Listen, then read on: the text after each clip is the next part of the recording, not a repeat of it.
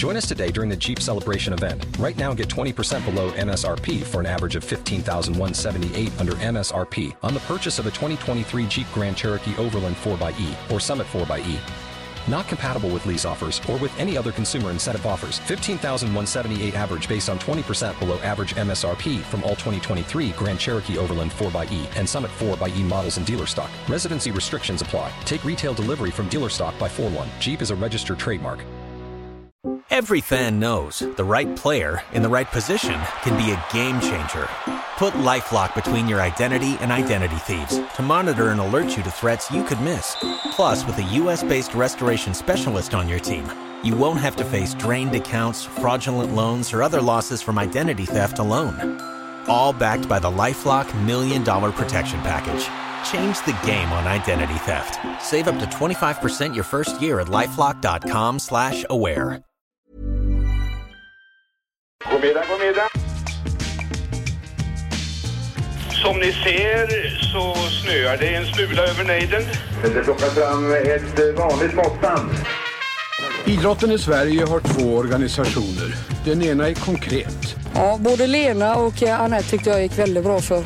Det är kul att vara igång igen förresten. Riksidrottsförbundet med kansli, chefer och handlingsplaner. Vi är ju liksom inte nöjda med det här för vi känner att vi kan gå på alla. Eller, eller jag ska vara bäst. Vi kan gå på alla. Den andra är osynlig. Ett finmaskigt nätverk av människor runt hela landet Kom igen nu! Jobba! Hela vägen! och som existerar därför att den vill finnas till. Tommy Soran Gemi, en spelare som har roligt när han springer. Den kallar vi idrottsrörelsen. Nej, jag tappade precis där. Jag jag är väl kanske lite pessimistisk då, men... Belöningen är den egna tillfredsställelsen över att ha hjälpt till. Tommy Soran Gemi är Över att ha hjälpt till, till, till. Det är höst i landet Sverige. Jan Anderssons EM-drömmar kan ha dränkts och ruttnat bort som ett potatislager någonstans i Västmanland. Därför tänkte vi idag titta på ett annat kval då vi var rejält illa ute och en förbundskapten som var minst lika illa ute som Jan Andersson faktiskt. Och vi tänkte göra det tillsammans med den eh, svenska journalist och ibland sportjournalist Ja, ibland får man väl säga. ibland, eh, som jag ändå vågar tro vet mest om åtminstone denna tiden i svensk eh, landslagshistoria. Denna stormiga tid, nämligen Jesper Högström, välkommen. Tack ska du ha. Skrivit mycket för uh, Offside, Ja, snart aktuell med en bok om Gunnar Ekelöf, stämmer. men det är en annan podd. Det är en helt annan dröm. Du har ju skrivit en bok som heter Blågult, historien om det svenska herrfotbollslandslaget som vi varmt rekommenderar och som ligger till grund för väldigt mycket av det vi kommer eh, säga idag. Och det finns inget att det är bara att direkt efter det här avsnittet så tar ni på er skorna. Ja. Drar igen dörren där hemma och så går ni till närmsta bokhandel och köper bok igen. Så är det bara. Det handlar då om kvalet till VM 74 och det handlar om förbundskaptenen eller UK-diktatorn Ja, visst. Georg Åby Eriksson. Vad kallar du honom? Säger du Jojje eller säger du? Nej, jag säger nog Åby. Jag, jag minns ju ändå den tiden. Så, och, då, och då talar man om honom som Åby. Ja. För det är det naturliga för mig. Sen så har jag förstått att man kan också säga Åby Eriksson, säger vissa. Ja, Andra Åby säger, Eriksson Ja, och vissa säger. Åby Eriksson Ja. i det tempot. Och sen Ja. så var det väl eh, var det Nordahl som kallade honom för Gecke eller? var det inte så? Nej, det känner jag inte till. Men, Alltså Joj- Jojje då bland vissa ja, men det är spelarna nog folk som kände honom, Okej. och spelarna och sådär. Ja. Eller Joje då finns det som nu. Joje, Joje och inte Joje, men ja, helvete. Ja men Gecke också. Ja. Ja, kärt barn har många namn. Mm. Han är ju, sånt här ska man ju egentligen eh, visa och inte berätta, men han, han är ju en fascinerande människa, Mm. mm. Åby. Han är väldigt intressant. Kan vi säga något om den oerhört breda frågan, vem var Georg Åby Eriksson? Om du skulle försöka Jesper? Ja, men då kan man börja med att säga att han var förbundskapten eller UK-diktator som han då liksom ibland kallas i tidningarna på den tiden, mellan 1970 och 1979. Mm. Och han eh, förde då Sverige till kvartsfinal i eh, fotbolls-VM 1974 och det är väl det han har liksom gått till historien för. Mm. Om man nog inte ska räkna det stora klavertrampet Ja, just det. 78. Men Ja, sportsligt, definitivt. Sportsligt är det definitivt det, ja. Vad var det för en man då? Född i Torshag? Ja, Torshag eh, utanför Norrköping och hade då spelat eh, på hög eh, elitnivå i IFK Norrköping på 40-talet. Och det, jag tror det är ganska betydelsefullt för AB att han hade spelat i det där, de vann all- allsvenskan fyra år i rad och, och var ett klubblag på ganska hög europeisk nivå. Att de åkte till England och slog engelska proffslag. Åby hade det här med sig. Att han hade spelat i ett väldigt bra fotbollslag som han då själv tyckte var ett självspelande piano. Eh, Det var liksom hans, eh, han hade alltså väldigt höga krav och hade någon slags idé om att ett bra fotbollslag det skötte sig själv på något sätt. Och sen hade han blivit, eh, efter 40-talet så blev han ledare i IFK Norrköping och var fortfarande väldigt framgångsrik på 50-60-talet. Och fick namn om sig som en sån där figur som fanns jättemycket i svensk fotboll på den tiden. Alltså, det var ju en patriarkal tid. Han var liksom talför och lite hänsynslös och eh, styrde med hela handen. Och var samtidigt då känd som, han hade ett eget musikkapell. En sextett? En sextett som han styrde med järnhand På också. standardhotell? Vad heter det? Standard?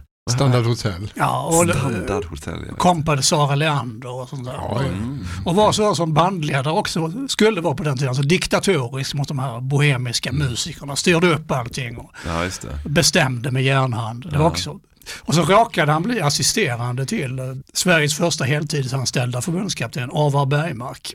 Nu, Det var nog aldrig någon tanke att Åby skulle bli efterträdare honom. Nej. Men eh, Bergmark eh, gjorde då fiasko, och hans landslag gjorde fiasko i VM 70. Och, då, och det tog Bergmark så illa vid så att han avgick på studs. Och så fick Åby plötsligt ta över, det var nog inte alls eh, tänkt. Nej. Nej, precis. Eh, Jag tror att Bergmark låg på sjukhus 66 va, med en halsinfektion och då hade de ingen ersättare. Och, och- det var då Åby kom in första gången som någon slags assisterande och så Mm. följde han väl med där fram till 70.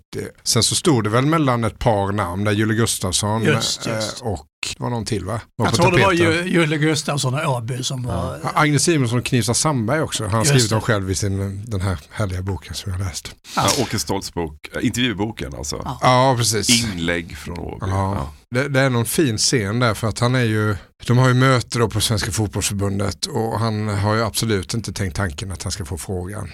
Han är stressad skriver han, han ska springa orientering på kvällen så ska han spela piano i Motala. Och så får han då frågan om han vill bli förbundskapten och det pratas inte lön och ingen kravställning, inte vilka han ska jobba med. Och han säger då att jag vet inte om jag vill ha det här jobbet. Eh, men så diskuterar de lite i alla fall och så säger han att eh, ja, jag måste i alla fall prata med min familj om det här. Då säger Tore Boll ja, du kan låna telefonen och ringa hem och fråga. Ah, okay. Ungefär som att man ringer hem och frågar vad det ska bli för middag Ja. till middag ikväll. Ja, eller jag blev, jag blev sen några timmar. Ja.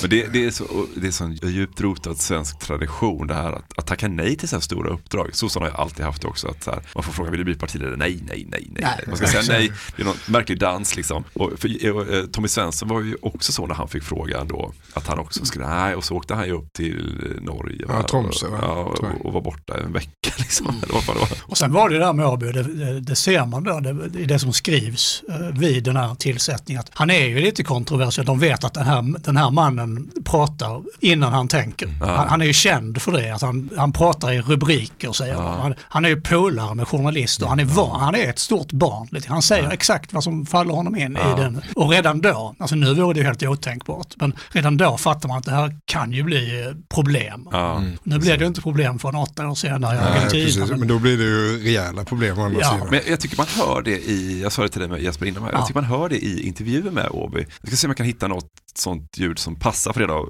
att lägga in. Men man hör liksom att han, han känner sig fram i intervjuerna. Så här. Han, han börjar prata och så vet han inte riktigt vart han är. Alltså det är väldigt långt innan det här eh, mediatränade Ja. ha en, liksom, och absolut långt innan Lagerbäck, alltså inte ge någonting. Och det är långt Ja. innan Am- Hamrén Janne, det här misstänksamma, eh, liksom hela tiden i försvarsställning. Utan han börjar prata och så ser han lite vart det kommer. Han liksom jassar sig fram lite i svaren sådär.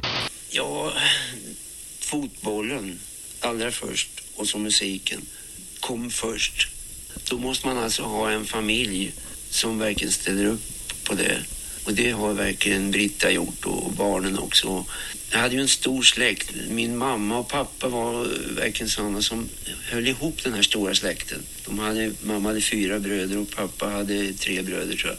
Så det blev, jag var uppväxt alltså i att släkten höll ihop. Och jag vill väl påstå att hela min släkt då var engagerad i mitt musik och fotbollsliv. Rättade sig väldigt mycket efter. Det, på den tiden var det så i IFK också att gifta sig det fick man göra någon gång när det inte var någon match som gällde. Men jag, så att vi gifte oss Britta och jag faktiskt kvällen före innan vi spelade mot uh, Sleipner här i någon, jag vet inte om det var vänskapsmatch eller vad.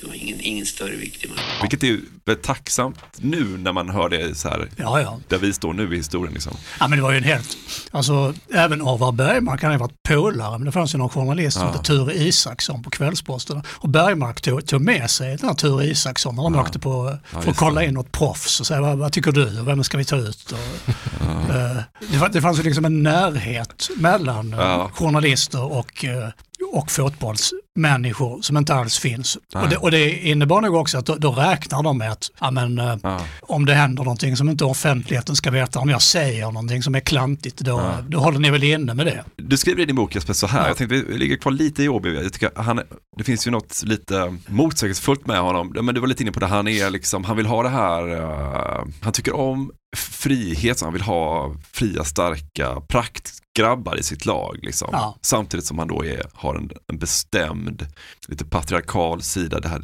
diktatoriska pekar med hela handen. Du skriver i din bok så här, att han företrädde samma nostalgiska längtan till ett okomplicerat förflutet som manifesterade sig i Evert Taubes Änglamark och sen personifierade han en hemtrevligt gnölig patriark, lite som Anton Svensson i Emil, Lönneberg, i Ja. Emil Lönneberga.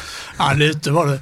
Och, och sen ska man nog, eh, 70-talet, och, och när folk talar om det nu så är det ju liksom det, det här frihetliga 70-talet och alla progressiva idéer och alla hippies och så. Men alltså jag som växte upp i norra Skåne, vi hade ju fortfarande bordsbön i matsalen. Vi stod fortfarande i raka led Ja. på svenska flaggans dag. Men det, det, fanns liksom en auktoritär sida. Alltså Ja. när Åby blir intervjuad i tidningar så säger han ja men det är, det är en massa dalt med arbetslösa nu för tiden. Ja. det ska inte vara, alltså barn ska inte hålla på, det här med självständighet i skolan, det är bara trams. Barn ska lära sig att lyda. Ja. Och det tas bara också som, ja det var ju lite roligt sagt. Ja, alltså det, det finns en, som man ska tänka tillbaka, det, det, finns liksom, den här längtan tillbaka innebär ju att man längtar tillbaka lite grann till den här, den starke mannen och diktatorn. Det, det, det, det är ingenting som folk tycker är främmande, Nej, som man skulle tycka nu. Nej. Så, att, eh, så, så Aby, i den här intervjun med Aftonbladet, han säger de här sakerna, så säger de samtidigt att Aby han är ändå det svenskaste vi har och han är en mysig gubbe. Och ingenting av det här var liksom eh, främmande eller konstigt eller frånstötande. Men hur mycket, hur mycket liksom får han, kanske inte gratis, men han får hjälp av att han eh, också plinkar på ett piano. Det kan ju räcka ibland för Ja, ja, ja. att en sportjournalist, någon gör någonting, någon har läst en bok. På den nivån kan det vara ibland så här, hockeyspelare som har läst en bok, då är det ju så här, oh, wow. Ja, och det, där, och det där ingick ju också lite, man längtar tillbaka till en äldre, Putte Kock som var la- lagledare på 40-50-talet, han spelade ju fiol. Och Det fanns ju en äldre tid där idrottsmän skulle vara lite show, som Snoddas som spelar bandy och sjöng flotta kärlek. Och Aby, som sagt det var en nostalgisk tid. Ja. Och även inom fotbollen, att det var publikkris i den svenska allsvenskan. Och det, var, det var inte så jättelänge sedan då, på 70-talet. Det hade varit 1958 och Sverige hade varit tvåa i VM och det gick 50 000 människor på allsvensk fotboll. Man Ja, drömde just sig tillbaka till den tiden lite grann. Ja. Och Åby, han personifierade den där lite grann, Ja. längtan tillbaka till en enklare och roligare tid, Ja. både inom, eh, inom fotbollen och allting annat. Han, han säger om sig själv att han har ett varmt hjärta och ett rätt labilt psyke. Ja, Lättrörd, lätt att glädja, men också att såra. ja. Stämmer den själv, självbilden tror du? Det, det tror jag absolut stämmer. Och, och jag tror lite grann så kunde ju en makthavare vara sån på den tiden. Att det, det var ju en del av det här ska man säga, patriarkala arvet. Man kunde vara diktator och samtidigt eh, liksom det här lättrörda barnet. Mm. Det, det kunde man vara då på ett sätt man inte kan vara nu. En, en detalj som jag tyckte var rolig, det är att han hatar att göra ringen. Den här, när man ställer sig i ring och, och, Ja. liksom, så här, och sjunger något ihop. Ingen vågar ens skämta med honom genom att föreslå att de ska göra ringen. Och vi hatar ringen, det vet alla. Det är något ovärdigt, löjligt och inte minst nymodigt över vuxna män som lägger armarna om varandras axlar och vrålar. Vi ska ta dem. Om man vill retas med förbundskaptenen är det bara att nämna ringen för dem. Ja, men han var ju, som sagt, han skrev ju brev till uh, spelarna. Claes Kronqvist spelar i just det. landslaget. Han hade ett otroligt brev, alltså. Ja, han hade vid något tillfälle spelat med neddragna strumpor. För han hade kramp i vaden. Och då skrev Åby brev till honom att upprepas det här så kommer du aldrig mer att bli uttagen i landslaget. Alltså, det- skulle ju vara så här tukt och ordning. Ungefär som den gamla musikerledaren som säger till sina musiker, ni ska fan ta mig ha samma slipsar på er allihopa. Ja, men sen, eh, han är inte ett dugg intresserad av taktik till exempel. Nej. Vilket det blir lite märkligt. Alltså, det är en jävla märklig legering, Åby Eriksson tycker jag. Men det är också så mycket den tiden. Alltså det är ju precis då den moderna fotbollen kommer och mm. plötsligt ska alla vara ut och den här taktikstriden kommer till mm. Sverige. Mm. Malmö FF mot Öster. Men ÖB har kvar det där. Det ska vara som IFK Norrköping på 40-talet. Vi är bäst bara för att mm. vi är ett självspelande piano. Mm. Vi liksom improviserar oss fram eh, på planen. Mm. Och det är bara jobbigt och tråkigt med de här skadorna på att nöta offside-fällor och liknande.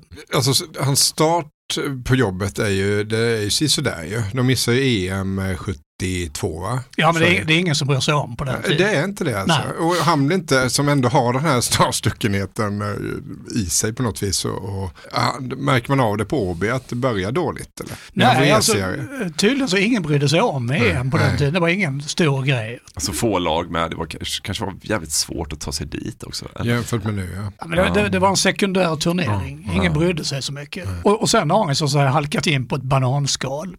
Det finns en allmän insikt att det, det här får ta lite tid och eh, man vet också att det är någon generationsväxling på gång. Den här 60-talsgenerationen som skulle ha varit bra i VM 70, den är på väg ut och man har inte hittat något nytt än. Och som sagt, det, det, det är en annan tid. Det är inte alls samma tryck och samma intensitet i bevakning som det är nu. Nej, och det var väl till och med så, det- alltså anfallskrisen var så, Hade så vi stor. anfallskris i svenska landslaget?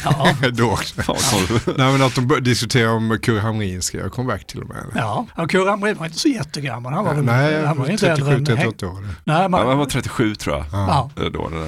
ja, det är inte äldre än Zlatan var när han var landslagsaktuell. Nej, nej, det är inte. Nej, det är sant. Det är, nästan, det är något hisnande över det där att han Ja, men det- inte är äldre. Ja, men det är så nära 58 ja. ja, Ja, ja, men det är det där, man, man tycker att det går en gräns i tiden ungefär 1965. Mm. Från att världen var svartvit så blir den plötsligt i färg och Ja. folk börjar få polisonger och jättelångt och skägg och så. ja.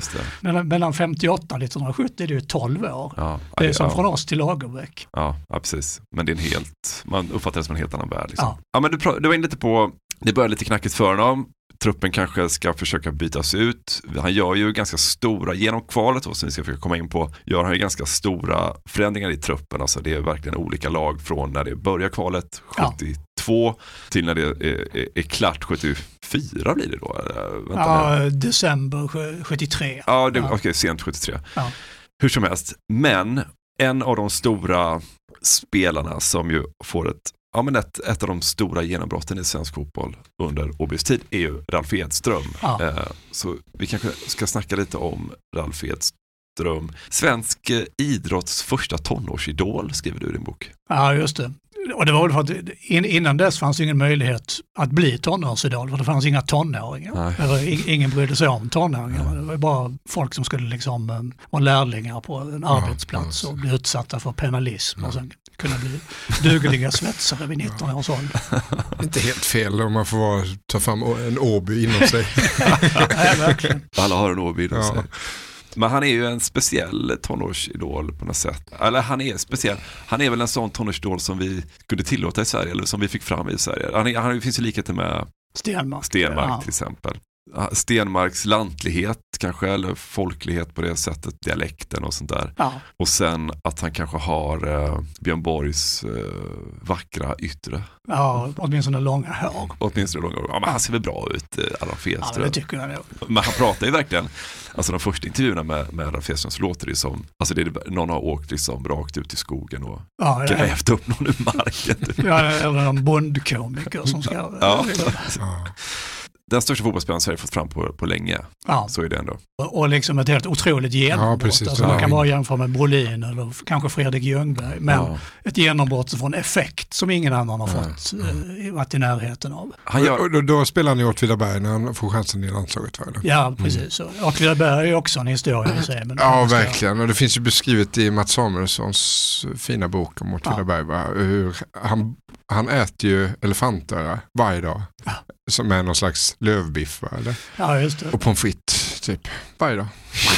I restaurangen som ligger våningen under i huset Mm. han bor i Åtvidaberg. Går ner där varje dag och äter elefantöra och pommes frites. Mm. Och Åtvidaberg är ju också en historia som är viktig för det här. Att det är ett klubblag som är liksom någon slags korplag. Att de är ihopsamlade för att det är Svenska fotbollförbundets ordförande på 50-talet råkar vara chef för Åtvidabergs det här facit i Åtvidaberg. Och så samlar han ihop ett lag med folk från hela landet som blir eh, svenska mästare och jättebra. Och, eh, som man sen kan, eh, som liksom slå, nästan slår ut Bayern München i Europacupen 73. Och som, det, som kan bilda stomme i det här laget som AB vill ha. Mm. Och det är där Ralf kommer fram, Ralf Ja, från just det. Degerfors. som jobbar på facit också. Ja. Och vilka är det mer från Åtvidaberg? Är det Sandberg också eller? Ja, Conny Torstensson, Kent. Karlsson, Liljan Olsson. Som Magnusson. Men Ben de- och Magnusson. Ja. Just det. Liljan, ja precis. Ralf då gör ju då alltså åtta mål på sina första fyra landskamper. Ja. Tre första matchen. Ja, mot Sovjet. Mot Sovjet, hattrick. Ja. Alla på nick. Alla på nick. Av de här åtta första målen så är alltså sju på nick. Ja. Och det åttonde är nick i ribban och så sparkar han in returen. Ja, just det. Så det är väldigt nära att det är. Och då kallas han då i tidningarna spirituellt för Mr Nixon. Mr. Nixon. Eh, efter, men, men, efter... efter USAs dåvarande ah, skandalomsusade ja, ja, ja. president. Fan jag gjorde inte den kopplingen. Nej, Mr jag tänkte, Nixon. Jag trodde det också var någon serie 3-4. Vad heter det? Nick? Rekordmagasin. Hur som helst, sensationellt genombrott. Alltså åtta mål på, ja. på, på fyra matcher. Men där är ju Åby då, han, han gillar ju inte riktigt detta att det kommer fram någon där. Så han, det, han säger någon gång, liksom, när han får kommentera där, ja men han kan ju inte bara springa runt och nicka hela Nej, tiden, säger Åby. Många av Åbys spelare säger att han liksom ger intryck av att vara sån där glad lax utåt, men han var tydligen helt eh, en brutal, han, han berömde ingen, utan Ja. hans, eh, som sagt, hans, eh, hans grundinställning var att spelarna skulle veta att det var han som bestämde och han tänkte inte berömma dem. Nej. Ove Kindvall som spelade för honom i Norrköping, som ju, som ju var den stora stjärnan före Ralf, Svenska Dagbladets bragdguld 69 för skjutit Sverige till VM 70. Han berättade också att berömde honom aldrig utan bara liksom kritiserade honom och var väldigt noga med att inga träd skulle växa upp till himlen. Och så Nej. var det minsann inte hemma där han växte upp. Ove hade gjort fyra mål någon match. Då kom ju Åby bara in till här, eh, omklädningsrummet och sa, du kunde gjort sex. Ja, ja men det var hans eh, ledarskapsstrategi. Ja, Okej, men Ralf har kommit fram. Hans kollega då i Åtvid är Ja. Roland Sandberg Ja. som också fantastisk fotbollsspelare. Jag, Ja. jag har suttit och tittat på lite matcher. Han sprutar ju in mål också. Ja. Och de spelar jävligt bra ihop då. Passar varandra bra. Så här typiskt liksom, ja men långa bollar på, På Ralf, ja. Så kan han nicka ner dem till Sandberg. Till, till fint. måltjuven. Sandberg. Som det alltid Och han sköt ju sådana här, han fick snedträff när de gick in. Mm. Och dängde till från någon sån här konstig... Men han verkar vara en jävligt härlig spelare, alltså väldigt förtjust i Sandberg. Och det var ju snack om att de var så fina ihop då som radarpar att det var snack om att de kanske skulle till och med säljas som ett par liksom. Ja, men, Men det, det, ja, men det var ju verkligen den roll Åtvidaberg spelade för det här eh, laget som Åby hade. Att, eh, man hade det här radarparet, Ralf och Roland, som Ja. kunde varandra utan och innan. Och så, så Conny Torstensson som låg bakom dem. Och vi, eh, man, man hade den där fördelen av ett, ett samspelat klubblag. Men för jävla väl att inte Åby hittade något att irritera sig då med Åtvidaberg. Att det var någon ledare där som han inte tyckte om. För då hade han ju gett fan i dem allihopa Ja, troligen, förmodligen. ja. För så blir det ju senare med Laban att han hittar ju saker att störa sig på. Ja. Så undviker han vissa spelare i vissa lag. Och Ja. så. Men han, han gillade inte Åby, eh, han gillade inte utlandsproffs heller. Nej, och det, och, men det är också sådana där saker som är svåra att- att- från var. Från vår utgångspunkt, när man ser tillbaka, att det fanns en sån här skepsis mot proffsen som Ja. satt kvar sedan 40-50-talet. De- De var förlorade för svensk fotboll. Ja. De, de kom ut i världen och lärde sig en massa konstiga fasoner. Ja, just det. Förutom att det fanns där rent konkret att Åby ville ju ha spelare som var samtränade. Alltså han ville ju ha folk som ett radarpar som kunde varandra. Mm. Så han gillade inte att de såldes utomlands. Så hans första tanke var ju då, nå- nähä men då får vi väl hitta några andra forwards istället. Då. Ja, det är precis som man mm, splittras då helt enkelt och hamnar i olika klubblag och så får man inte träna ihop och så samlas man och så är det det här som de fortfarande diskuterar att det är för kort tid Ja. att spela ihop. Och sådär. Ja, de skriver till och med in, eh, förbundet kommer väl på att eh, när de eh, ska skriva kontrakt med proffsklubbarna så vill de skriva in en klausul att de Ja. minsann ska släppas till landslagsspel. Ja. För det är inte helt självklart heller vid tiden. Nej absolut inte. Alltså, Roger Magnusson missade ju VM 70 för att hans Olympic Marseille vägrade släppa honom. Och den här kvalmatchen då när Sverige uträknat i juni 72 mot Österrike borta 0-2. Då vägrar Grasshoppers i Schweiz släppa Ove Gran, tongivande spelare. Så att det finns det här också att, eh, att man kan inte riktigt räkna med Ja, proffsen. det. Och sen så är det Åbys grundmurade konservatism. Han, han vill ju ha saker på sitt sätt. Alltså, Skulle han få sin vilja, han skulle han egentligen vilja ha spelarna hela tiden. Mm. Med eh, välkammade, med upprullade strumpor, eh, med skjortan, tröjan nedstoppad i byxorna. Ja, det, ingen jävla snusdosa i Nej, bakfickan. absolut Och där går han ju också ut och säger till pressen, så jag tycker inte ni ska ta bilder på dem när de snusar. Alltså. ja men du vet så här, eh, vi i Sverige, det är lite så här, vi i Sverige, så här, det där är inte bra liksom. Det ser Nej, inte bra men, ut. Liksom. ja, eh, hade inte, har inte Janne lite sådana dagar Jo, också? jo, Alltså, ja, man ska inte. Jo, men- sitta med, inte vara slafsigt klädd, inte fötterna på bordet. Det kan man ju såklart tycka. Det är ingen konstig åsikt att man inte ska ha fötterna på bordet. En Nej. hotellfoyer såklart. Men det var väldigt mycket sånt i början. Jo men precis, alltså, Vad IPA, varför det, det räcker med vanlig lager. Ja, verkligen. chili bearnaisesås, varför ska jag ha det? Det finns vanlig bearnaisesås. ja. ja men och de säger om Åby, Aftonbladet skriver det, att han är det svenskaste som finns. Ja. Det, hade ju, det har säkert Aftonbladet skrivit om Janne, exakt samma. Så samma nostalgi, även om det är liksom en annan nostalgi. Jag vet, det kanske är en nostalgi över 70-talet nästan som Janne står för. liksom. Ja, ja, det skulle jag tro, absolut. Så, så Ja, de är oerhört vi har ju pratat om, du har ju kallat honom slöjdlärarstegen där mot Tyskland i VM till exempel. Jag tror att jag har skrivit någon gång om att han är stöpt i en pappmugg. Ja. Jan Andersson lite. Så jag, jag, Jo. Ja, men gjort och, samma och som det här, Nick Åslund. man ska, man ska liksom städa upp i omklädningsrummet Ja, efter sig. Ja. Och det är ju väldigt lätt att tycka om. Mm. Ja. Till en början. ja, Sen så. Ja men vi kanske kommer tillbaka till likheterna med Janne sen, men de är ju slående på många sätt. Förutom att Jan Andersson förmodligen aldrig har suttit bredvid ett, bredvid, ja kanske han har gjort det i och för sig, ett piano men aldrig framför det.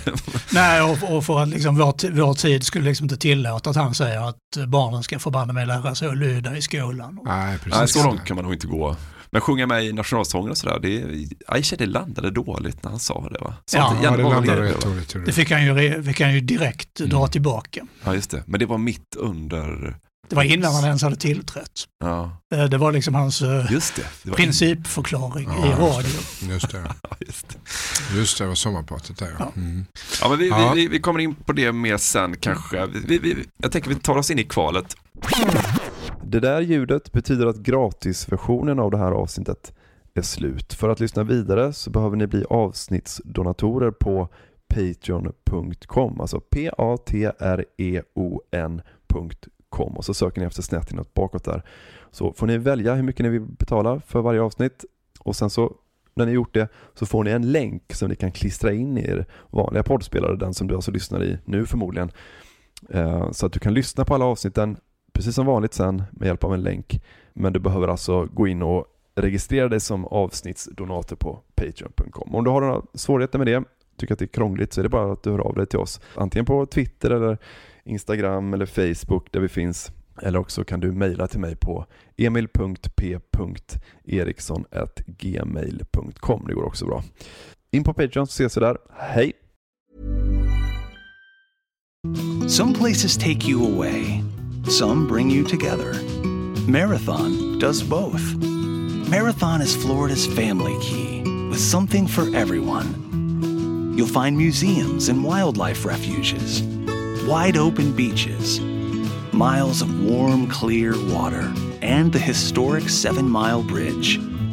For more about Marathon and the latest safety protocols, visit flakeys.com slash marathon.